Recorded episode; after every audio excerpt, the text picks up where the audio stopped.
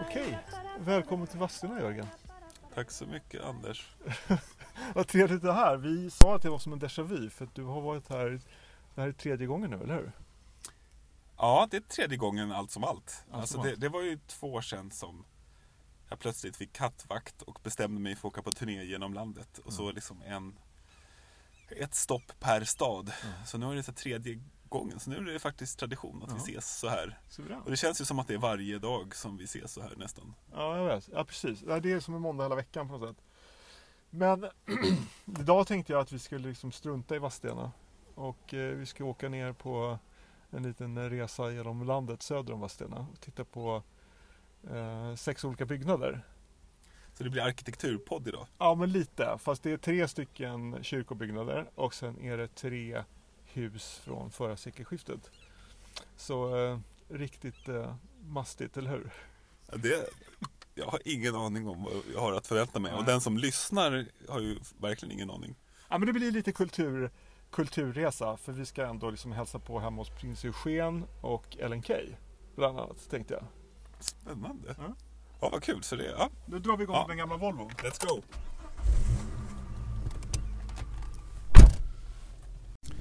Okej, vi verkar vara vid första stoppet Anders. Jag står vid en väldigt gammal kyrka. Stämmer bra. Nu är vi i Örberga. Örberga är en liten by som ligger eh, söder om Vadstena, ungefär en mil söder om Vadstena. Och eh, på en kulle bland sädesfälten. Eh, och ännu mer i söder så ser man Omberg, det mäktiga berget i Östergötland som ligger precis vid Vättern. Och här ligger Örberga kyrka, som vi ska gå och kolla på nu. Som är en av Sveriges äldsta kyrkobyggnader. Den är byggd i början av 1100-talet. Alltså, man, Pretty old. Alltså. ja, men man ser ju det Ja, när man tittar Ja, ja. på den. Att det, det, är ju, det här är ju riktigt gammal sten här. riktigt gammalt hus. Eh, och hur är det med... Kan, du beskriva det här taket? Vad är det vi tittar på här? Ja, För alltså- det, det ser också, det ser nästan lite norskt ut tycker jag. Ja, men det, det är ju en kalkstensbyggnad Eh, och sen så eh, med väldigt speciella halva rundade trapptorn. Eller så så här, på tornet så är det halva vad ska man säga, trapphus på hela vägen upp till tornspiran som är av kärat trä i fiskfjällspanel. Och det där tornspiran den är ju mycket senare naturligtvis. Men själva byggnaden och skeppet och faktiskt muren också runt kyrkan är ifrån 1100-talet. Så det är ju ganska brutalt gammalt. Och nu är det så här, Östergötland krigar lite med Västergötland om att vara Sveriges vagga. Och jag gjorde ju lumpen i Skövde och då fick man hela tiden åka till Varnhems kyrka och guida höga militärer och sådana saker. Och eh, det kanske är ungefär samta, samtida som det här. Så varför står den här? Bra fråga. Alltså Folkungaätten, eh, Östergötland. De eh, byggde väl de här kyrkorna då och eh, det var väl liksom bara något århundrade efter att de hade kristnats, liksom vikingar och grejer. Så att, ja, jag, jag vet inte, jag är ingen historiker. Jag är, jag är heller inte liksom troende och kan ingenting om det där. Men vi kan, eh, vi kan smyga in och kolla på den. Vi kollar. Ja. Så där, då har vi tagit oss igenom kyrkogården här och ska öppna. Ja. Dörren för att komma in. Det var en red, redig dörr det där. Och lågt i tak är det också här inne. Ja, det är det verkligen. Och det är häftigt. Så här, äh, gotiska takvalv, mycket, Wow. må, mycket målningar, eh, takmålningar, stora bågar så här.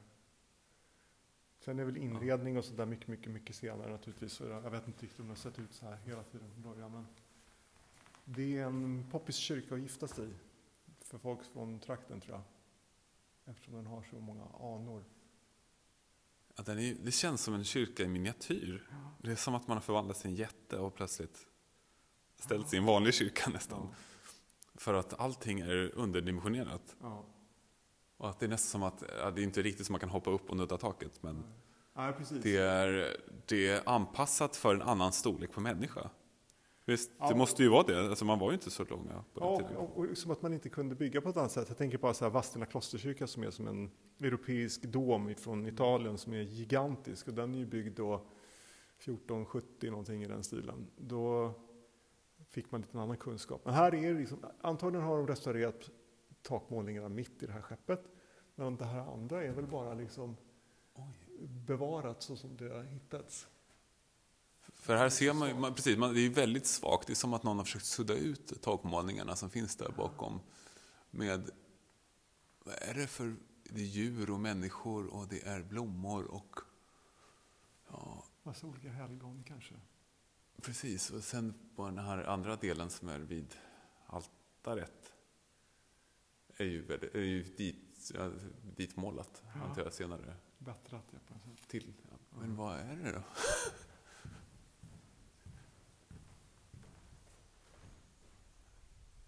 Ja, men det här är ju då 1100-tal, in, långt innan Gustav Vasa. Ja. Så är det här en katolsk kyrka då? Eller? Bra fråga. Det, det som, vi kommer ju bege oss ner till Alvastra kloster sen Mm. också. Och, och där, det kommer ju munkar från Frankrike på 1100-talet som eh, startade olika ordnar här eller tog med sig sina cister- cistercienserordnar till, till Sverige. Och eh, de var säkert inblandade i de kyrkor som byggdes sen. Eh, det, det vet jag att de var även i Roxlösa kyrka som vi ska åka och titta på sen. Så att eh, allting hände där. Mycket hände där och eh, något århundrade senare så var det ju heliga Birgitta och, och hela den svängen. Alltså kyrkor generellt, jag har alltid haft en liksom, soft spot för kyrkor. Jo men precis, samma här. Grejen är ju så här att det är ju byggnadstekniken. Det, här, det, här, det fanns ju inga svenskar som kunde bygga så här. Det här var ju antagligen mest farbröder då, från kontinenten. Alltså det är nästan tusen år sedan. Ja, Det är det är ju, mäktigt. Och det står fortfarande. Ja, stadigt. Vi ska gå och titta på det här lilla härbret där ute. Ja.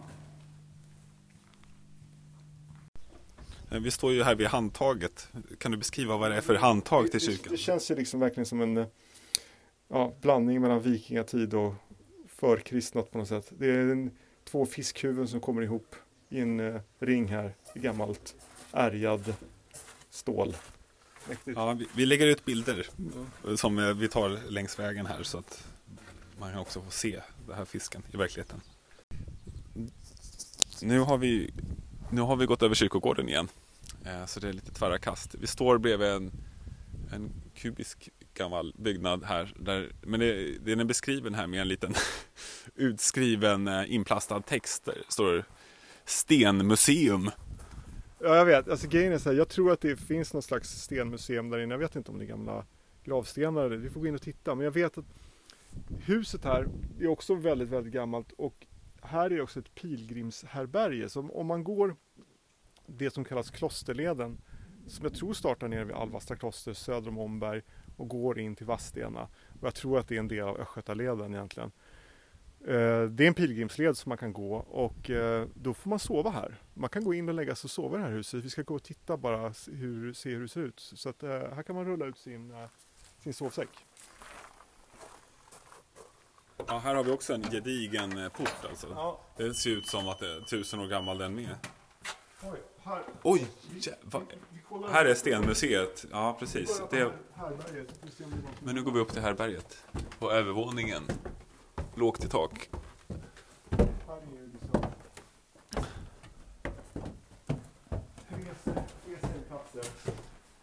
Precis. och eh, en gästbok.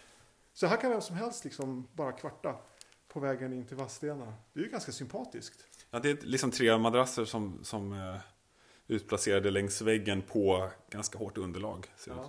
Ja. Lite, ja, precis. Fostrande, fostrande bänkar ändå. Och sen ett väldigt stort kors Ja, som står mitt i rummet. Som, också fostrande. eh, och en gästbok här ser vi här. Så att det, folk har varit här förr. Sen är eh, bekymmerslöshet står det på en sten här också. Sen är frågan om det är folk sover här verkligen. Eller om... Ja, men det tror jag. Ja, men det står här. Pilgrims from the South har några fran- franska Pyrenéerna har kommit Pamela härifrån. Och... De går förbi, eh, Pil- pilgrimsleden går precis förbi där vi bor. Och det är rätt många som kommer gående på sommaren. Och jag tror att det är en hel del som sover här inne. Det är ganska svalt och skönt på sommaren här. Belysningen tänds automatiskt när det skymmer, står det här. Ja, det är bra att veta för den som har vägarna förbi Vadstena att det finns en, i alla fall någonstans att sova. Första, första året så hade jag, fick jag inte tag i hotell. Det är kanske här jag skulle ha sovit. Här. Ja men exakt. Så- Som backup. regnar- så man tältet.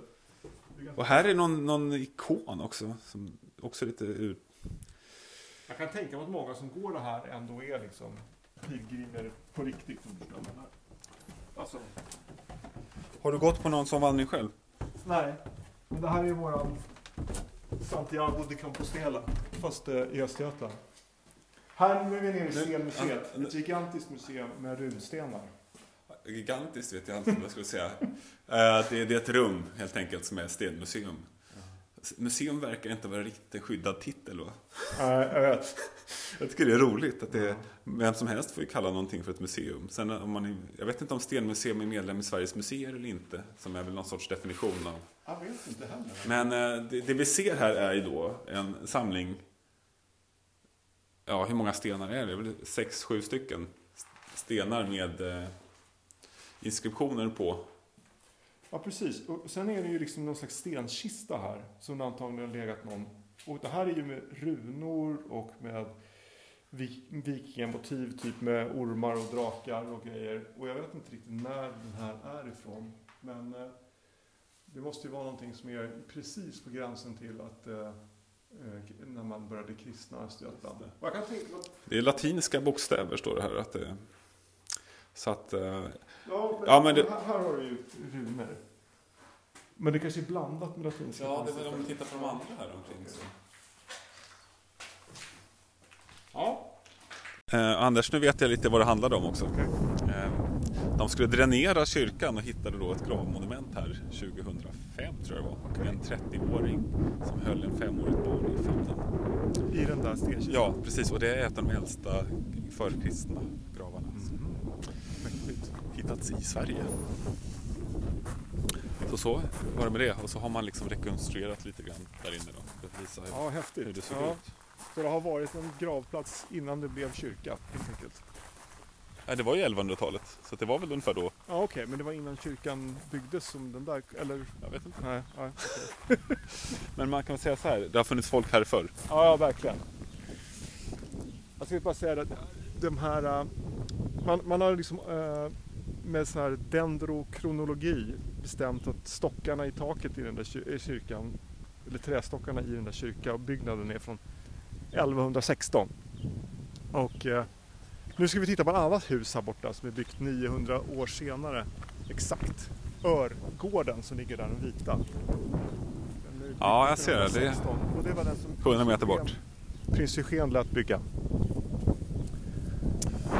Alright, då går vi dit. Så där, då har vi promenerat lite till här. Och det slog mig när, under den här promenaden att eftersom vi nämner prins Eugen eh, som då alltså levde här. Och så tittar jag på utsikten här över, över de här åkrarna och det här landskapet. att Det är ju de här tavlorna. Jag känner igen tavlorna. Det är bara vindsnurrorna som inte Ja, men, brukar vara med. ja, men precis. Nej, men han, han började med att hyra prästgården här 1913 och liksom förälskades i den här platsen.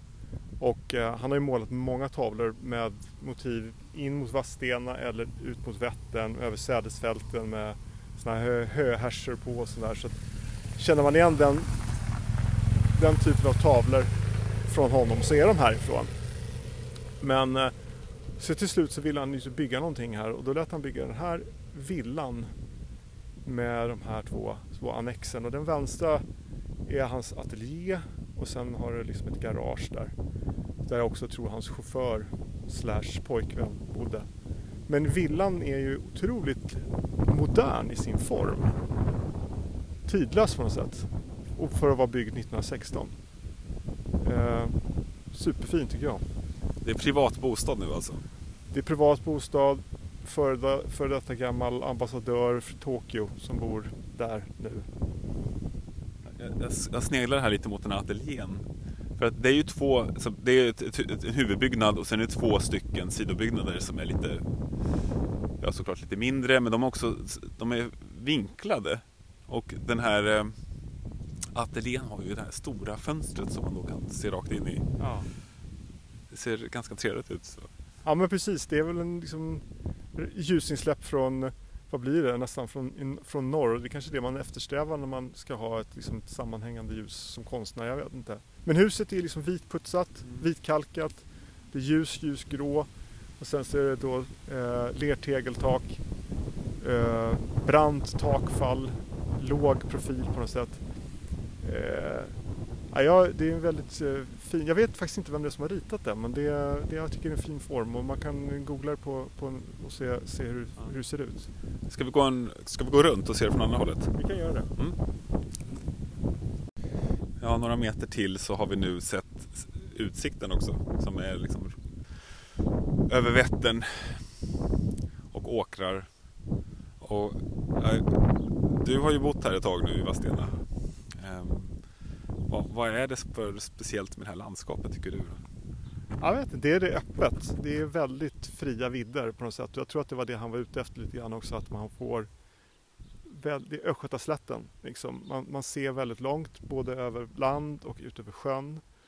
Och det här ljuset och molnen framför allt. Han, han gillade ju moln. Och jag vet att det, en intendent från Valdemarsudde har skrivit en bok om hans måleri i Östergötland som heter Jagande skyar, som är en jättetrevlig bok. Han, eh, det blåser ofta här och det är oftast lite så här oro i luften ändå på något sätt. Med de här molnen. Så att det, det är väl det han försökte fånga. Ja, det är lite svårt att beskriva känslan av det här landskapet, särskilt om man är stadsbo och är van vid att man kan, liksom, man kan se 10 meter fram. Den här, den här långa, långa blicken behöver ju inte arbeta så ofta. Liksom.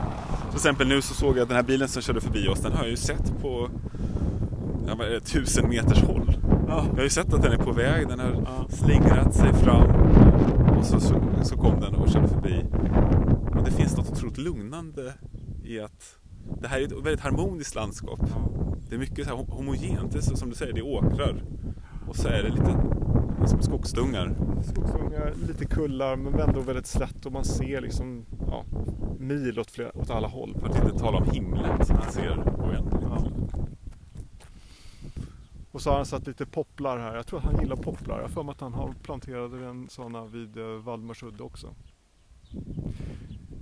Här, de har gjort också en jätteinsats det här paret som köpte det här huset då, kanske för 25 år sedan med att renovera det och göra det fint. Jag tror att det var lite sönderrenoverat på 80-talet, 90-talet så här, men de har återställt det. Eh, i ett jättefint skick. Ja, det är kul att se. Vi pratade om renässansmänniskor sist. Alltså det är väl kn- knappast att vara renässansmänniska att både vara prins och konstnär. Men det är i alla fall två helt olika saker. Ja, och grejen är att jag får ändå intrycket av att man betraktar honom som konstnär i sin fulla rätt. Liksom, han blir liksom, man svassar inte för honom för att han var prins och därför släppte in honom på utställningar och sådär. Utan han, han var ju duktig. Li- lite besläktad med Oscar Bergman kanske. Ja, och Eugen Jansson. Och de- Ja, ja, men precis. Jo. Ja, det var ju samma, samma tid. Vet du om han var inspirerad av japonismen? Jag vet faktiskt inte. Jag, jag tycker inte att jag har sett några tavlor som i så stor utsträckning ser ut så som jag tänker just Oscar Bergman och visst med Carl- Carl Larsson och sådär. De hade ju väldigt mycket av det i sig med eh, skarpa konturer och påtagliga kontursträck och sådär. Men jag, jag känner inte igen det hos honom riktigt. Alltså just eh, japanismen, japonismen, jag går igång lite på den för att den var ju så... Det, det var en fantasi. Att de här fransmännen... Det var inte genom någon världsutställning som eh, Japans Säkert. konst presenterades. Jag är ganska säker på det. Eh, och för fransmännen, det var första gången som det här då, Fjärran Östern som presenterades. Eh, Och, och då målade de här franska konstnärerna och människorna upp en bild av hur det var att leva i den här världen. Ja. Som då var en fantasi utif- utifrån de här ganska gamla tavlorna dessutom. Som, och- som de blev inspirerade av fantasin och skapade den här egna stilen Ja. baserat ja, det är väl så idéer funkar. Ja, men, och det känns ju som att man tittar på bilder från svenska konstnärers liksom, eh, lägenheter i Paris eh, på slutet av 1800-talet så skulle alla ha liksom, solfjädrar och eh, såna här eh, skärmar med japanska motiv och det var liksom, alla hade den typen av inredningsideal och tog fasta på det liksom 1870, 1880 sådär. Så det, det var en modig grej. Det var det. Nu, är- nu är vi på väg någon annanstans va? Nu hoppar vi in i gamla Volvon igen. Okej. Eh, Vi, vi eh, tog en liten paus och sen så kom vi på att vi, det här med miljöbeskrivningar är ganska svårt, eller hur? Ja, det är jättesvårt och eh, man önskar att man var liksom eh, Karsten Thurfjell och eh, Gunnar Bolin i en och samma kropp så man kunde liksom på ett målande sätt beskriva det som är runt omkring en. Men eh, vi har en del att jobba på där Jörgen. Alltså jag har faktiskt en spaning i det här Ja. ämnet. För att jag vet att podden Gästabudet, som är en litter- litterär podd, har diskuterat det här med att eh, miljöbeskrivningar har blivit nedprioriterat av den nya generationens författare. Jaha, Som är mer intresserade av alltså, de, den inre miljön. okej. Och att det var då, jag tror det var Isabelle Ståhl som sa där i sista avsnittet att, eh, att hon går och hon bläddrar i någon bok och kopierar en miljöbeskrivning av någon annan istället. För att det, det är så komplicerat. Så vi är liksom inte ensamma om att tycka att det här är svårt. Att, Ja, speciellt om man ska göra då mm, på stående fot som nu. Alltså bara så här på, på kommando så är det svårt. Om man Så- inte övat på det. nej, precis. Så att, ja, vi, som sagt, vi, vi lägger in lite bilder också. Ja, vi får göra det. Ja, Okej, nu ska vi rulla mot eh, Roxlösa kyrka. en till kyrka. Ja, jag vet. Och plötsligt var vi framme. Eh, vadå? Vid Roxlösa kyrka. Nästa gastkramande hållpunkt på den här resan. Alltså jag måste säga att den här kyrkan påminner om den förra kyrkan. Den gör ju det. Men den är faktiskt byggd så sent som 1275. Eh, Och här kan man då med liksom mer säkerhet säga att de här cisterciensermunkarna nere vid Alvasta kloster har varit med och påverkat hur den här eh, kyrkan skulle se ut. Så den skiljer sig lite grann åt på något sätt. Sen är det klart att det känns som att den har lite färre fönster och sådär. Men det som är intressant här det är en port här inne med ett speciellt, alltså en, en port som har ett eh, smidesbeslag som är lite speciellt som vi ska gå in och titta på. Och enligt sägnen så stals den här porten från drottning Ommas borg uppe på Omberg någon gång på 1200-talet och sattes in i kyrkan här. Vi kan gå in och kolla på den. Men de tog aldrig tillbaka den då? Tydligen inte. Jag vet inte riktigt vad som hände med drottning Omma på Omberg. Men hon kanske bara var en mytisk figur. Jag vet faktiskt inte.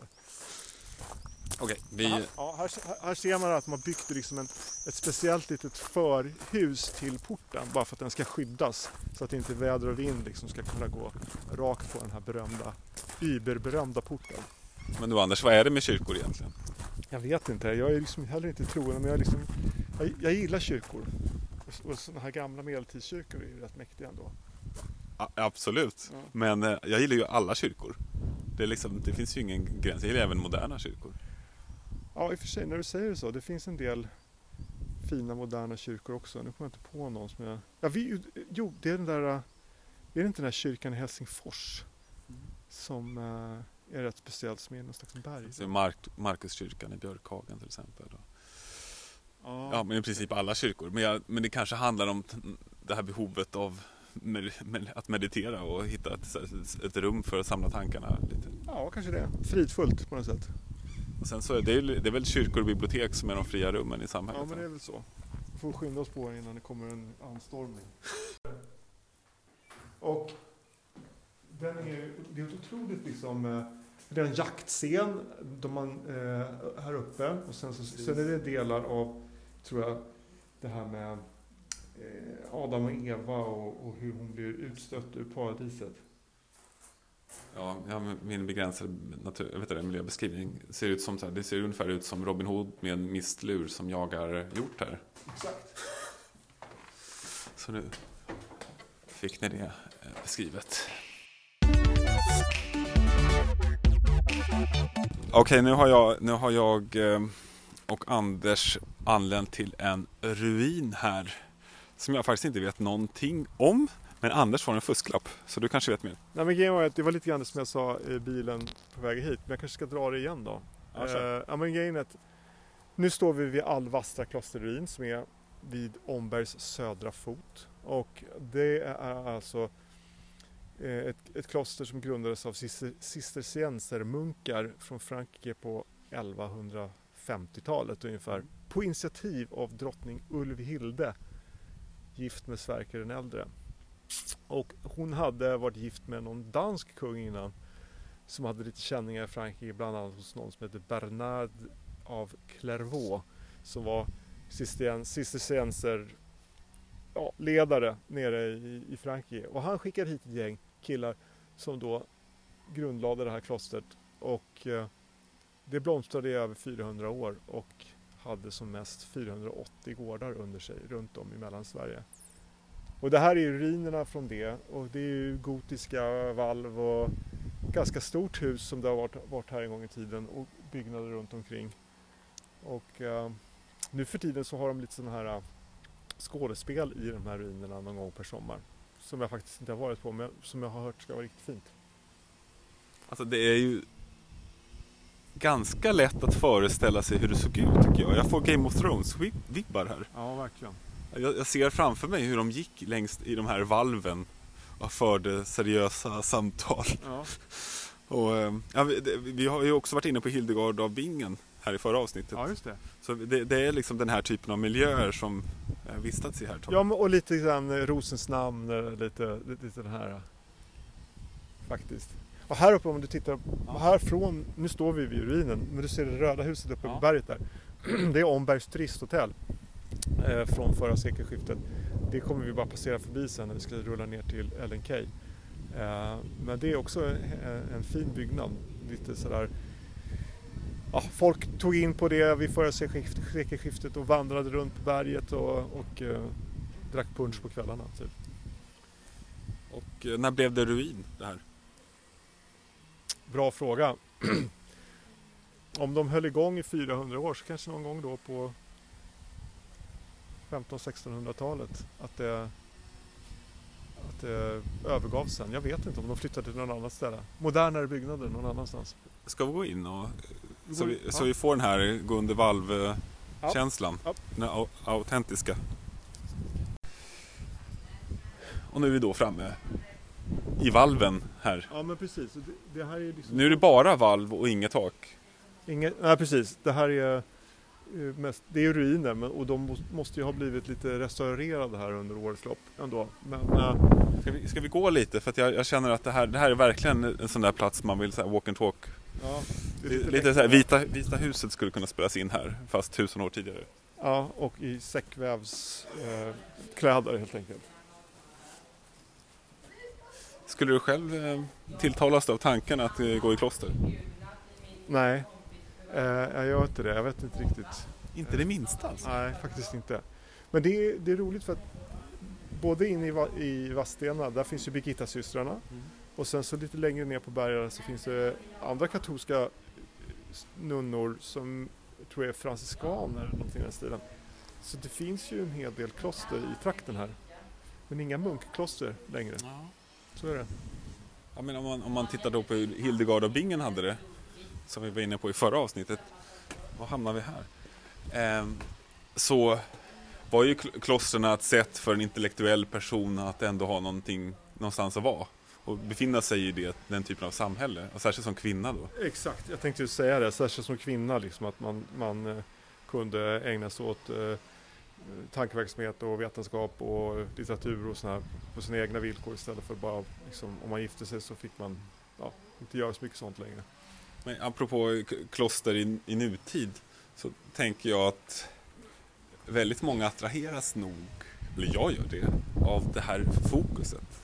Jo, att man kan vara en, en, en, en värld där någon, redan, någon annan har bestämt bestämt hur dagarna ser ut. Jag menar, det, det påminner väl lite om Vipassana och lite annat sånt här som är populärt att, är att, ska, att, att, skala av. Liksom. Roligt att du nämner det för det ligger ju en, en sån anläggning här nere också där man kan åka på 10 dagars retreat och det är väldigt strikta regler, man pratar inte med någon under de här dagarna och man får inte sova i höga och lyxiga sängar utan eh, det, det ska vara lite kärvt och, och sådär och sen är man med på de här olika sakerna enligt ett väldigt strikt schema. Men och det, när man åker förbi där, det är fullt med bilar hela tiden. Du, nu kör de här med sin eh, trimmer. Jag vet inte om vi får Nej, vi får, vi får anpassa oss, anpassa oss efter verkligheten. Till, vi åker ner till LNK istället, det är lugnare där. All right. Och så var vi tillbaks i bilen. Ja, det, det blir en del jump cuts i, cuts i det här eh, avsnittet. Ja, det är så otroligt actionspäckat. Men du, du, du pratade lite om Jan Guillou här. Ja men precis, alltså grejen är att om man har läst Arn-sviten av Jan Guillou så, så får man liksom, tycker jag, en ganska bra beskrivning av hur alla de här olika munkarna kom från kontinenten upp till Sverige och tog med sig så otroligt mycket kunskaper om hur man byggnation, hur man konstruerade avlopp och medicinalväxter och ja, en massa saker som kanske inte riktigt fanns här uppe och eh, hur vi lärde oss av alla, alla de som kom hit. Och det märker man ju när man ser liksom, by, bygg, byggnadsverken både här och några hundra år senare. Jag menar, Vadstena klosterkyrka till exempel är ju gigantisk. Jag tror inte att eh, vi riktigt hade den kunskapen i Sverige. Så att, eh, heja Jan Regnet la sig, regnet fortsatte men nu har det lagt sig igen och vi är, var då? Nu är vi vid Ellen Keys strand.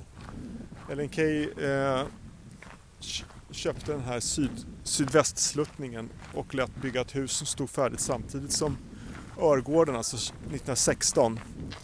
Och eh, det är som att hamna vid en italiensk villa vid Gardasjön. Eh, det är det onekligen. Ett fantastiskt hus som ligger i en brant sluttning med ett grönt fiskfjällstak och jugendfönster. Och nu är du på hemmaplan verkligen.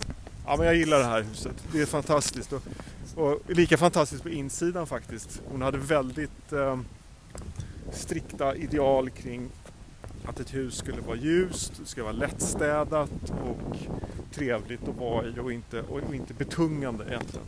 Och om i bakgrunden hör man ju då att vi, vi, eh, vi går på, längs en trappa här så att vi försöker ta oss ner för den här branta slätten ner till Vättern som ligger framför oss och gnistrar verkligen. Ja, det är ett perfekt väder. Det ska vara lite så här dramatiskt. Eh, solspeglingar i sjön, lite jagande skyar som sagt och sen så det här huset alltså, som ligger här. Det är en helt magisk upplevelse faktiskt. Ja. Som ja, pågår i realtid här för mig. Jag har aldrig varit här förut. Ja, men det här är häftigt det här stället. Och, alltså Ellen Key var ju otroligt imponerande människa som, och författare. Och började redan som ung hjälpa sin pappa som var riksdagsman.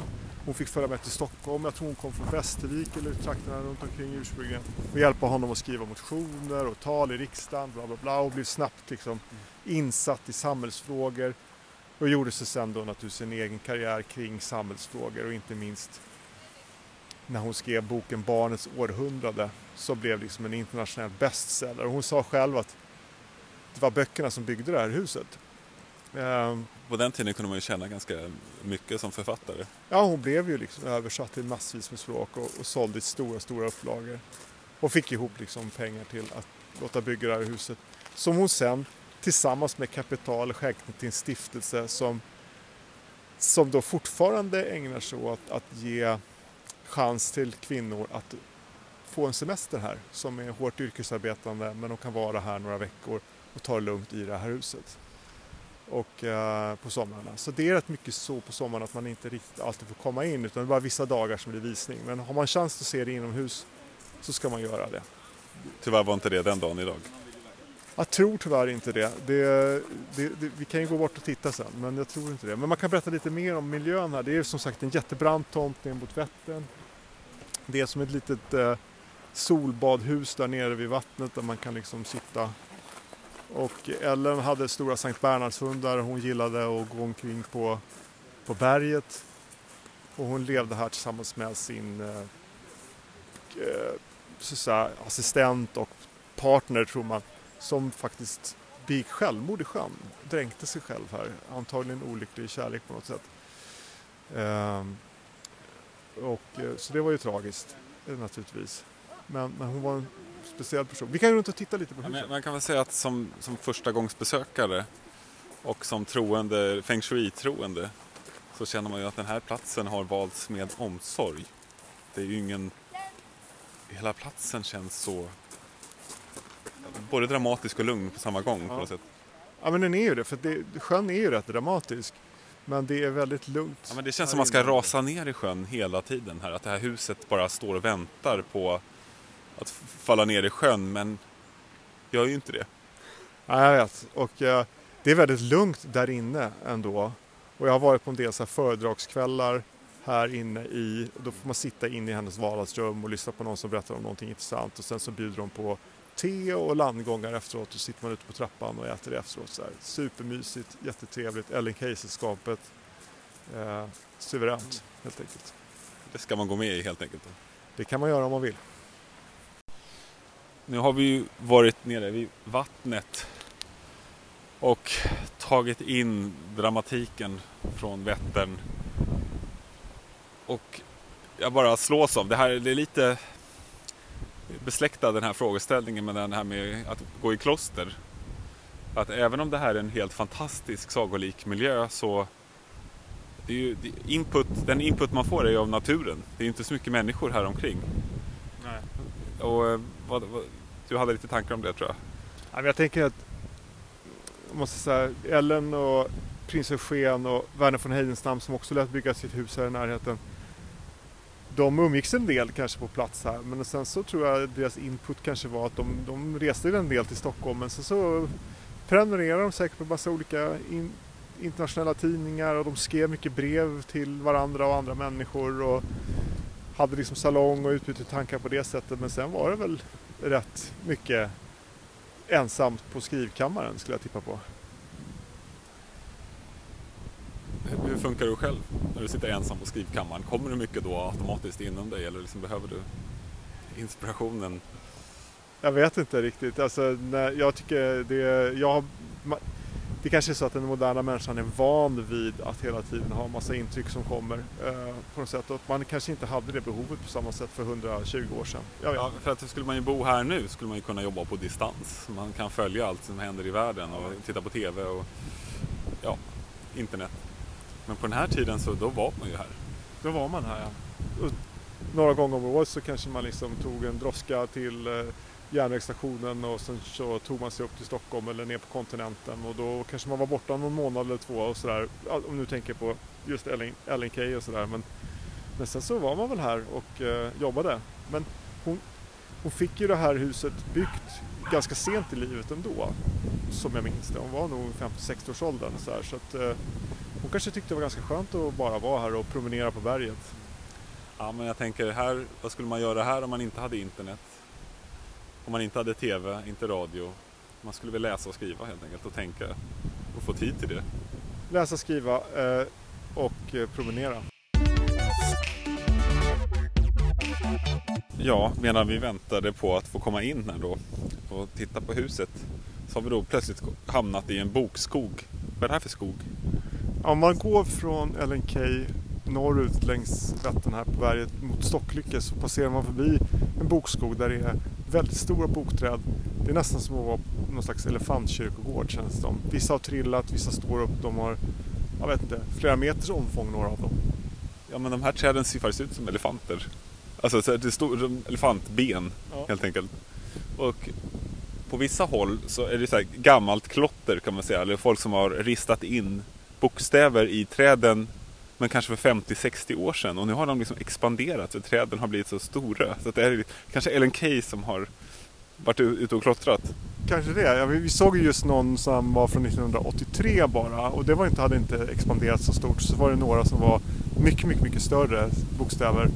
Och de kanske är då från 50-60-talet. Jag vet inte. Det är så svårt att säga. Men ännu äldre ristning, inristningar tror jag det finns. Ja, vi tycker ju båda att bokskog är ju bäst, den bästa skogen. Jag tror det är ganska många som håller med om det. För, och, men just på den här platsen så är det också dubbelt sus. Ja. Så om man lyssnar nu. Så är det alltså suset både från Vättern och från träden. Ja.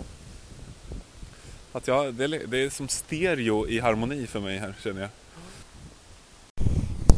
Ja hörni, nu har vi genomlidit den här visningen i det här Tyvärr. helt magiska, vackra huset. Ehm, men ehm, ja, vad säger vi? Jag vet, en bedrövlig guide. Men, eh, men eh, det, det, visst, det är ett vackert hus att titta på. Det finns mycket liksom att läsa om Ellen Key. Hon var en fantastisk människa. Och eh, det kan man, men man ska nog gå på en visning ändå när man har chansen att komma in i huset. För det är väldigt så här, fint hus att titta på. Ja precis, det är enda sättet att faktiskt se huset på insidan. Och sen fick man ju inte fota heller som jag råkade göra eh, innan jag visste det. Ja, precis. Eh, men det... Vi fick i alla fall svar på vad hon gjorde hela dagen. Hon arbetade ju. Och det var ganska mycket folk i omlopp där mycket, ja, i, om, i, i, kring och i huset. mycket brevväxlingar. Och brevväxling och skrev hundratals brev om året. Och, ja, de, hon hade att göra. Eh, men för, för min del så var det nog hennes blombord egentillverkade som gjorde det största intrycket. Förutom att ljuset var ju helt sagolikt där inne. Ja, apropå drönare. Nu, Drönare i omlopp här. Ja, för vi har varit någon annanstans nu också, passat på. nu har vi varit och tittat på västra väggar på Omberg som är en fin utsiktsplats ifall man har vägarna förbi på turistvägen längs Omberg. Ungefär 70-80 meter från ovanför vattnet. Så den är värd att stanna till på. Ja, det är många scener idag att ta in och liksom- bearbeta. Ja, vad gör vi av det här då? Vi åker och tar en bärs på Gyllenhammars och sen åker vi hem. Tackar för oss. All right.